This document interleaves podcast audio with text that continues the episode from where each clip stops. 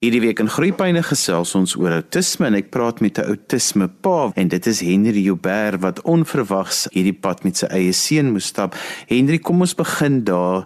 Mense is so opgewonde, jy weet jy is swanger en dan word hierdie seentjie gebore en dan skielik is dinge soveel anders as wat 'n mens gedink het as wat hoe dit gaan wees. Dis waar Johan, ek raak altyd emosioneel as ek hieroor praat want ek dink aan daai skok van toe jy uitvind jy het 'n kaartjie gekoop um Italië toe en toe laai die vliegtuig jou af in Amsterdam. Jy het se voorberei vir hierdie anders te lewe en dan skielik moet jy aanpassing maak. So die dag toe ons Lukas gebore is, het die Here al klaar vir my um in my kop gesê dat hierdie is 'n anderste seentjie. En ek moes dadelik net daai prentjieboek wat jy bymekaar gemaak het van hoe jou lewe gaan wees, moes jy maar net bietjie op die sy sit en jou aanpassings begin maak van hoe jou lewe nou gaan wees. So dit is nog 'n groot skok. Ek moet vir jou sê Johan, dit is nie um, iets wat maklik kom nie en ek dink ouers is verskriklik hard op hulle self om dit te gou te wil aanvaar. Ek dink jy moet deur 'n fase wel werk wat jy jouself kans gee om hierdie uitdaging te aanvaar. Henry, op daardie stadium het jy nog nooit die woorde outisme gehoor nie, jy het nog nooit spektrum gehoor nie. Jy het nog nooit woorde gehoor van kinders ontwikkel teen verskillende passe nie. Daar goed is nog goed wat glad in jou kop is. Jy was net 'n pa wat 'n seentjie gekry het. Presies Johan en ek dink veral in my lewe is ek het nie 'n gestremdheid enigsins geken nie en ek dink dis hoekom mense ook dan ook glad nie weet of jy sien nie tekens raak of sulke tipe van goed nie. Wat ek wel kan sê is hoe ek begin agterkom het dat hierdie ander se seentjie is, is elke keer as ons hom gevat het vir inenting so dan vra die susters vir ons kan al dit doen dan ons van nee en dan sien jy die gesigsuitdrukking dan sê ek van o my moeder het al op hierdie stadium kan doen. So dis waar die rooi ligte begin aangaan het in my kop van ek maar ons is regtig ver agter. En hierdie mylpale wat dan nou nie bereik word nie jy dan so op gefokus later. Jy was amper te bang om hierdie kind bloot te stel aan enige iemand wat iets weet want jy is net bang vir die vrae ek weet ek en Kristal het op 'n punt gekom dat ons nie noodwendig by ander mense wou gaan kuier het wat dieselfde ouderdom kind as ons het nie want ons is net heeltyd gekonfronteer gewees met die feit dat ons kind so ver agter is. Ek het glad nie gestremdheid geken nie en ek intedeel was ek nogal bang daarvoor. Ek was baie bang geweest van hoe om op te tree met mense met 'n gestremdheid in te word my lewe. en ek dink um, ek leer elke dag meer by Lukas as wat ek ooit kan leer. So dis daai ding van dit waarvoor ek die bangste was is nou dit waarvoor ek veg. Ek wil mense heeltyd vertel van hoe hulle moet optree en waarna hulle moet kyk en seker tipe van goed maar om jou te antwoord is dis daai konstante verlies. Dis heeltyd 'n verlies. Dis elke dag 'n verlies.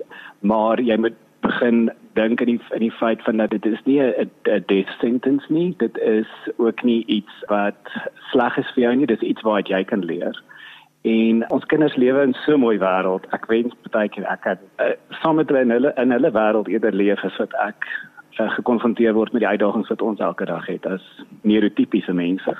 En jy het my so interessante woordkeuse net gebruik wat jy gesê het as jy by die suster kom of by die pediater kom dan is dit ons vorder nie so vinnig soos ons moes vorder dat dit nie gaan oor die baba nie maar dit is asof almal wat betrokke is ons vorder nie vinnig genoeg of ons daar ons is agter Ja.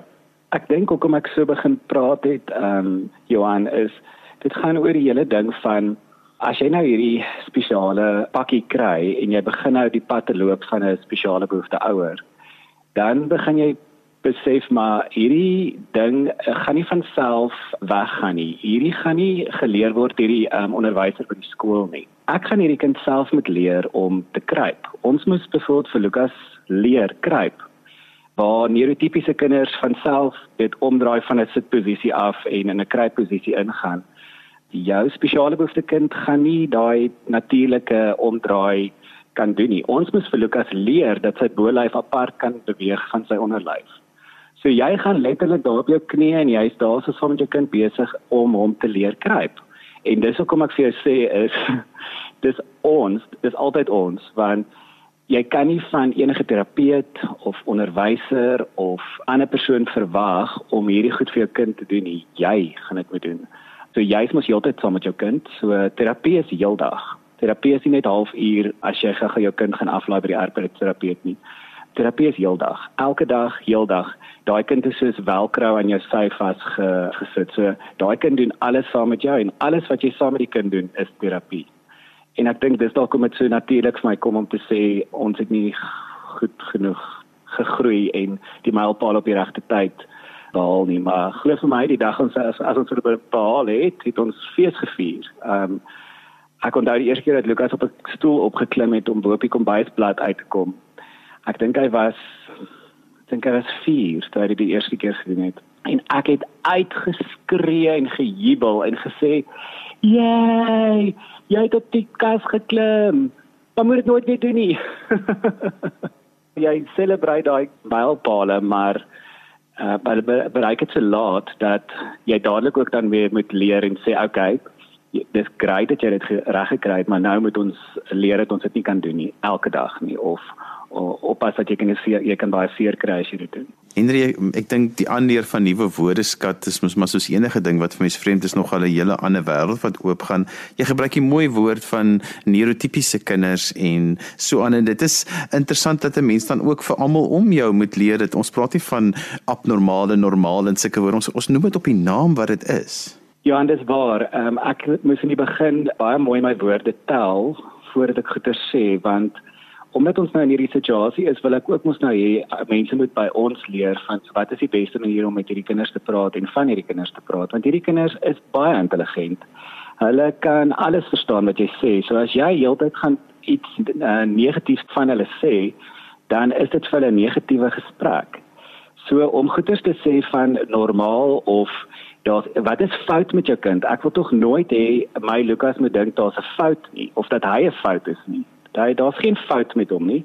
Hy het 'n uitdaging of hy het 'n sindroom of hy leef met autisme. Hy ly ook nie aan autisme nie. En ek dink dis daai goeters is die oomblik as jy mos 'n negatiewe woord gebruik met autistiese kind, dan kry jy 'n negatiewe reaksie. So as ek byvoorbeeld vir Lukas sê, "Nee, jy moet dit nie doen nie," dan verstaan hy, "Okay, dit hy moet dit nie doen nie." Maar as ek gaan sê, "Jy is nou alweer stout," jy's en ek gaan ek gaan in daai lyn in van dat ek negatiewe woorde gebruik dan gaan ek 'n negatiewe reaksie kry. So alles moet positief wees die hele tyd. Jy moet educate en jy moet leer en jy moet ferm wees, maar jy moet jou woordkeuse so goed hê dat jy nie 'n negatiewe reaksie uit my kry wat hy nou uh, gaan negatief reageer nie. En dieselfde in gesprekke wat jy met ander mense het. Jou kind is by jou die hele tyd. So daai kind hoor alles wat jy vir ander mense sê.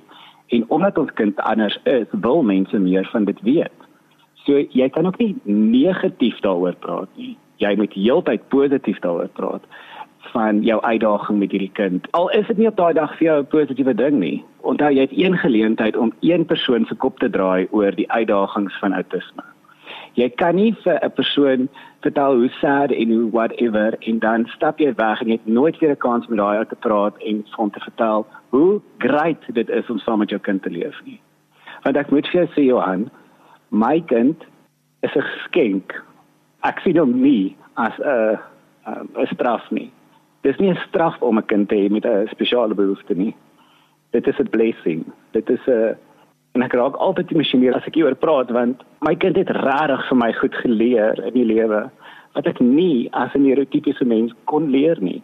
Basiese goed soos van hoe seer jy mense te maak met woorde. My Lukas kan nie praat nie. So hy kan nie iemand seermaak met sy woorde nie. En dan hoe bevoorreg is ek as pa van hierdie kind wat met hom kan praat, hoe ek moet twee keer dink voordat ek vir hom iets sê, omdat hy hy sal dit so graag met my wou doen om met my te kon praat. En ek dink dit was my grootste uh, droom was om 'n uh, enige tienerseun byvoorbeeld uh, kon 'n gesprek mee hê oor die uitdagings van die lewe en sulke tipe van goed. En ek gaan dit dalk nooit hê nie maar ek het 'n kind wat aan my lippe hang vir dit wat ek hom kan vertel. Ek wens ek ek wens jy kan sy oogies sien as ek vir my storie lees of as ek vir sin. Henry as 'n pa, hoe ervaar mens dit as jou seentjie op die spektrum is op 'n dag tot dag basis? Jy het net nou gesê dat jy het jou goeie dae, jy het jou slegte dae, maar jou kind soos jy die mooi woorde gebruik het, bly 'n blessing en 'n geskenk. So ek moet ook vinnig besef dat my lewe is nou nie meer net my eie nie. Ek gaan nie nou meer net alleen stort nie. Ek het nou hierdie ander liggaampie wat ook uh, gevoed en skoon gemaak moet word. So 'n uh, oggend begin gewoonlik met ek word wakker uh, met Lukas wat langs my bed staan. En ehm um, ja, dan het dit daar net daai ding van ehm um, ek is nou honger, ek wil nou eet. So dan dadelik moet jy net maar opstaan en en jy moet nou maar uh, hierdie kindjie gaan kos gee. Ons Lukas is ook nog nie heeltemal van die doeke af nie. So hy's nou 9. Ons het hom nou daarom al gekry om gedeeltelik die toilet te gebruik, maar daar is maar nou nog 'n doek vir die glipse en sulke tipe van goed. So daai is ook 'n uitdaging as jy met hierdie kind heeltyd in rotine hou. So ons het ons oggendroetine wat ons dan nou dadelik toilet toe gaan en dan gaan maak ons uh, vir ons ontbyt. Deel van die spektrum van autisme is ook dat hulle baie maklik verval in 'n OCD. Hulle is obsessief kompulsief. So jy moet sekere goed op sekere dae op dieselfde manier doen om 'n positiewe reaksie daai te kry. Andersins gaan dit 'n negatiewe reaksie wees en dan raak jy hele dag amper asof hy 'n negatiewe dag gaan wees. Jy probeer so ver as moontlik om in die rotine te bly wat jou kind gemaklik mee voel want dan voel hy gemaklik en hy voel gelukkig. So, ehm um, dan sal ons pappies maak en ons sal dan nou pap eet. En, maar waarop ek wil neerkom is dat weer eens jy het nie meer daai vryheid van dat jy kan doen wat jy wil doen op enige verskillende dag nie. Jy moet maar inval met jou kind se roetine. So ek dink my grootste aanpassing as bachelor wat vir 8 jaar lank op my eie gebly het was om ehm um, nooit meer uh eintlik tyd vir jouself te hê nie. Jy is konstant besig om in jou kind se behoeftes te voorsien. Gelukkig het ek 'n wonderlike vrou. Ons maak 'n beurt so in 'n week van 7 dae sal jy dan 3 oggende later kan slaap en dan het jy dan nou geleentheid om dan nou 'n bietjie meer in te lê en as ek nou praat van later slaap dan praat ek van 7 uur want Lukas word in die oggend al so 4 uur se kant wakker jy moet 'n maat hê jy moet iemand hê wat jy hierdie pad saam kan loop en ek dink so aan die enkel ouers met hierdie uitdaging en my hart breek vir hulle want ek weet eerlik nie hoe jy hierdie pad kan loop op jou eie nie. Jy moet iewers hulp hê. Is dit dan jou ouers wat jou gaan help of iemand wat jou net kan help nie, maar alleen moet dit 'n verskriklike uitdaging wees. En ek wil amper jou uitnooi om vir mense te vertel hulp wat jy nodig het om met hierdie kind te kan leef en jou te kan help ons het onlangs ook eers um, vir die eerste keer het ons iemand wat ons help hierdie dag van dit ons nou in hierdie um, isolasie situasie met leef met die COVID virus. Lucas se skool maak glad nie oop hierdie jaar nie. So ons moes iemand anders te kry wat ons net kan help dat ons ons werk gedoen kan kry. So Um, ons het 'n pair wat in die oggende dan tussen 9 en 1 ons help met Lukas en sy is fantasties. Sy doen lessies met hom en hulle verf en al daai tipe van goed en Lukas hou daarvan. Ons Lukas hou daarvan om konstruktief besig gehou te word. En ek dink enige autistiese kind is so, hulle speel nie. So daar's nie 'n kreatiewe manier van speel met 'n mannetjie of 'n karretjie of whatever nie. Hulle speel sonder kreatiwiteit. So goeders word net in rye gepak of 'n krat word uitgepak en dan weer ingepak en dis basies speel vir hulle. So hulle raak dan ook baie maklik bol daarmee. So jy moet hulle konstruktief besig hou vir hulle soos 'n lesie te gee.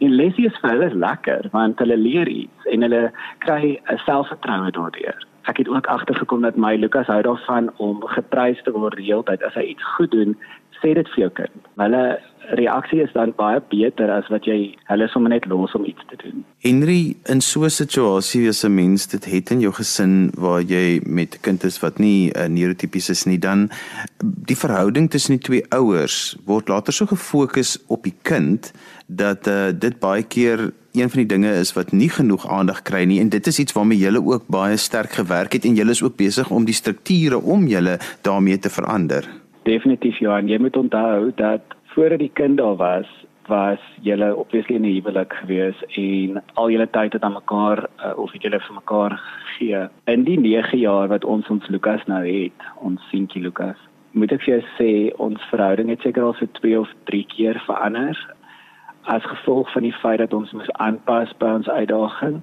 Ek en my vrou is verskriklik lief vir mekaar en ons is beste vriende gewees en dis hoekom ons op die einde van die dag um, in 'n huwelik ingegaan het. Maar ek mis my beste vriendin. Dit is my moeilik om haar te deel met met my kind. En baie keer voel ek dis bietjie my beertjie om 'n gesprek te hê met met haar en dat Lukas dan nie betrokke is nie. Maar dit is rarig, uh dis dis 'n groot uitdaging. Maar wat dit my wel geleer het is dan in die tye wat jy wel geleentheid kry om gesprek te hê, dat jy dan daar is in die oomblik en dat jy daai oomblik vasgryp omdat jy dit nie so gereeld het nie. So ek en Kristal het dates ons toe nou nog voor die inperkingstyd het ons um, ons gunsteling ding om te doen is om um, te gaan uit eet en te gaan fliek. Dis een van daai goeders wat neurotipiese mense maklik kan doen. Dis vir ons 'n outing. Dis vir ons 'n verskriklike groot geskenk as ons langs mekaar kan sit in 'n fliek en fliek kyk. So ons skep maar sulke geleenthede. Dit gebeur nie so gereeld nie, maar ons skep wel ehm um, geleentheid vir sulke goed om te gebeur. Henry, as jy vir ander paas wat in dieselfde situasie as jy is, kan sê hoe dit vir hulle kan raak of net kan sê iets kan deel, wat sal dit wees? Johan, ek dink die die ding van ehm um, aanvaar jou pakkie wat jy gekry het. Hou op om te probeer om jou kind te fix. Jou kind is nie gebreek nie. Jou kind is vir jou gegee ook nie om jou te straf nie. Jou kind is vir jou gegee om jou te leer. Ek dink baie keer daai die ding wat mense mos die meeste van hom vir jou te sê as 'n spesiale behoefte ouer is, die beste ouers kry spesiale behoefte kinders. Daai is twak. Ek wil amper vir daai persoon sê, "O, okay, so is dit die beste een wat jy kon uitdink." Ek het nie 'n keuse gehad nie en ek is nie 'n goeie ouer nie glad nie. Inteendeel, ek dink glad nie ek is 'n goeie ouer nie, maar ek moes leer om 'n goeie ouer te wees. So wat ek vir hierdie paas wil sê is Julle is uitge die uitgekiestes. Soos wat mense wil hê ons moet glo. Maar maak hiervan jou journey van om jou kind die beste weergawe te maak van wat hulle kan wees. Hou op vas kyk in die feit van om te ver vooruit te dink en te dink aan die negatiewe sy van maar maak jou kind die beste weergawe van homself.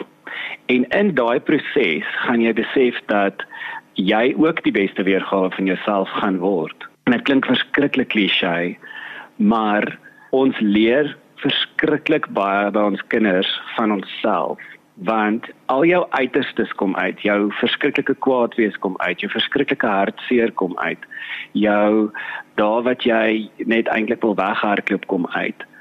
Maar so leer jy om met hierdie emosies te deel en so raak jy 'n beter mens. Ek is vandag na 9 jaar saam met Lukas 'n baie beter mens as wat ek was voordat ek hom geken het. En mense sal na my kyk en sê ek is 'n great pa maar ek het 'n great pa geword. Ek was nie 'n great pa nie. So ek dink ons ons as paas moet ophou vaskyk en dat dat ander mense ons kinders gaan fix soos wat hulle mos nou sê daar's fout met hulle. Ons moet ophou wag vir ander mense om ons kinders te leer en ons moet die verantwoordelikheid vat en hulle self leer want daai proses is verskriklik vervullend ek vat bevoel die eerste keer wat Lukas 'n bal kon gooi. Ek wou dit uitpas sien en vir almal daarvan vertel. En dit is tog net iets wat ek en Lukas gedeel het. Is ons het vir mekaar bal gegooi en ek het elke keer dat ek vir hom die bal gegooi het, het ek vir hom gewys dis hoe jy die bal gooi. En ek dink altyd aan 'n lees van Snap wat vir ons gesê het 40000 keer Henry, 40000 keer moet jy dit herhaal voordat Lukas dit dalk self gaan doen. En weet jy wat Johan, daai 39999ste keer wat jy dit doen en jy dink hy gaan dit nooit regkry nie, is daai groot groot groot reward daar vir jou. Die dag is daai 40000ste keer gooi daai bal terug. En jy kan dit nie glo nie. Henry so ten slotte, hoe wil mense wat in so 'n situasie is, hê ander mense moet dit hanteer. Want mense baie keer ignoreer dit net. Party vra wat's fout met die kind. Party mense eh, wil graag die regte woorde gebruik, maar in die onbeholpenheid dan sê hulle ook die vreeslikste goed. Hoe moet so 'n situasie wees wanneer julle mense ontmoet en julle is almal bymekaar en vir julle is dit elke dag? Weet jy Johan, ek dink as mense ons net ook normaal behandel. Soos ek is nog steeds 'n normale mens. Ek wil nog steeds in 'n normale gesprek kan wees. Ek wil nie noodwendig altyd oor my kind praat nie. Ek wil nie noodwendig altyd praat oor sy diagnose nie. Ek wil nie noodwendig altyd gevra word met ons al dit en het ons al daai dokter gesien en het ons al daai terapeut gaan sien en so nie. Ek wil party daar ook net in die agtergrond wees mense wat my nou ken, wat nou Henry ken voor um Lukas um gebore is, sal weet ek het nogal gehou van aandag. Ek het nogal daarvan gehou as mense my op die voorgrond sit. Maar ek wil nie noodwendig altyd hoef te verduidelik as mense vra wat is fout met die kind nie of wat sy diagnose of daai tipe van goed nie ek dink nie ek gaan noodwendig altyd ook vir mense vra so hoe gaan dit met jou egskeiding? Of hoe gaan dit met jou kanker? Of hoe gaan dit met daai? Mense vra dit tog mos nie elke keer as jy 'n mens is nie. So jy jy jy gee ook mense geleentheid om net normale gesprekke te hê oor die weer en sulke tipe van goed. So as ek die vraag kan antwoord Johan sal ek sê hou 'n balans met mense wat jy ken met spesiale behoeftes kinders en gee hulle ook geleentheid om partykeer net normaal te wees en net 'n braai by te woon en net normale gesprekke te hê. En ek dink die verkeerde ding wat mense altyd doen en ek weet hulle doen dit met soveel liefde is, hulle wil heeltyd vir ons raad gee van wat hulle ook van al gehoor het van hierdie dokter het dit reg gekry en daai terapeut daai en weet jy as 'n pa van 'n spesiale behoefte kind, die eerste ding waaraan ek dink is die geld wat dit kos om na al daai mense toe te gaan en dieselfde antwoorde te kry, dieselfde diagnose te kry. Ons is by 'n baie goeie pediater of 'n baie goeie arbeidsterapeut of whatever. So ek dink as ek vir mense kan ehm um, raad gee wat mense ken met spesiale behoeftes kinders is. As jy regtig weet van 'n baie stuur my e-pos. Ek sal dit dan lees op 'n latere stadium en ek sal dan uh, dit beter kan maar ek wil nie noodwendig elke keer dat ek met jou gesels praat oor my kind se diagnose of oor dit wat jy wil hê uh, die dokter wat ek moet gaan sien of so tipe van iets nie. Ons was voor ons kinders gebore is, was ons ook normale mense wat ook net in 'n in die agtergrond kon verdwyn en ons mis dit. Ons mis dit om baie keer net mens te wees. Hendrius mense met jou wil verder gesels en kontak wil maak en miskien ook alle stories met jou wil deel hoe kan hulle dit doen? Ek het 'n e-posadres wat jy asseblief nou toe kan e-pos en ek wil vir al die paas uitnooi wat in gesprek wil gaan oor uh die aanvaarding en die um uitdagings van 'n spesiale behoefte kind. E-pos my asseblief by Uber J O U B E R T Henry H E N R Y en dan die nommertjie 4 @gmail.com. So dis uberhenry4@gmail.com. En ek sal definitief jou antwoord. Ek het 'n verskriklike groot passie om by paas uit te kom. Want almal vra altyd vir die maas, hoe gaan dit en hoe koop julle? Maar die paas is maar altyd in die agtergrond. En ek weet daai paas wil nie noodwendig met 'n terapeut of 'n sielkundige gaan praat nie want wat weet daai persoon van hulle uitdagings. So ek is 'n pa met 'n spesiale behoefte kind en ek wil graag met jou wil in gesprek tree oor hoe jy jou uitdagings kan hanteer en veral jou verhouding met jou vrou. So gee ons maar asseblief En so gesels Henry Joubert en ek wil dit weer sê as Joubert Henry 4 by gmail.com. Want jy kan weer na vandag se program luister as 'n potgooi, laai dit af by resgep.co.za. Dan groet ek dan vir vandag tot volgende week van my Johan van Lille. Totsiens.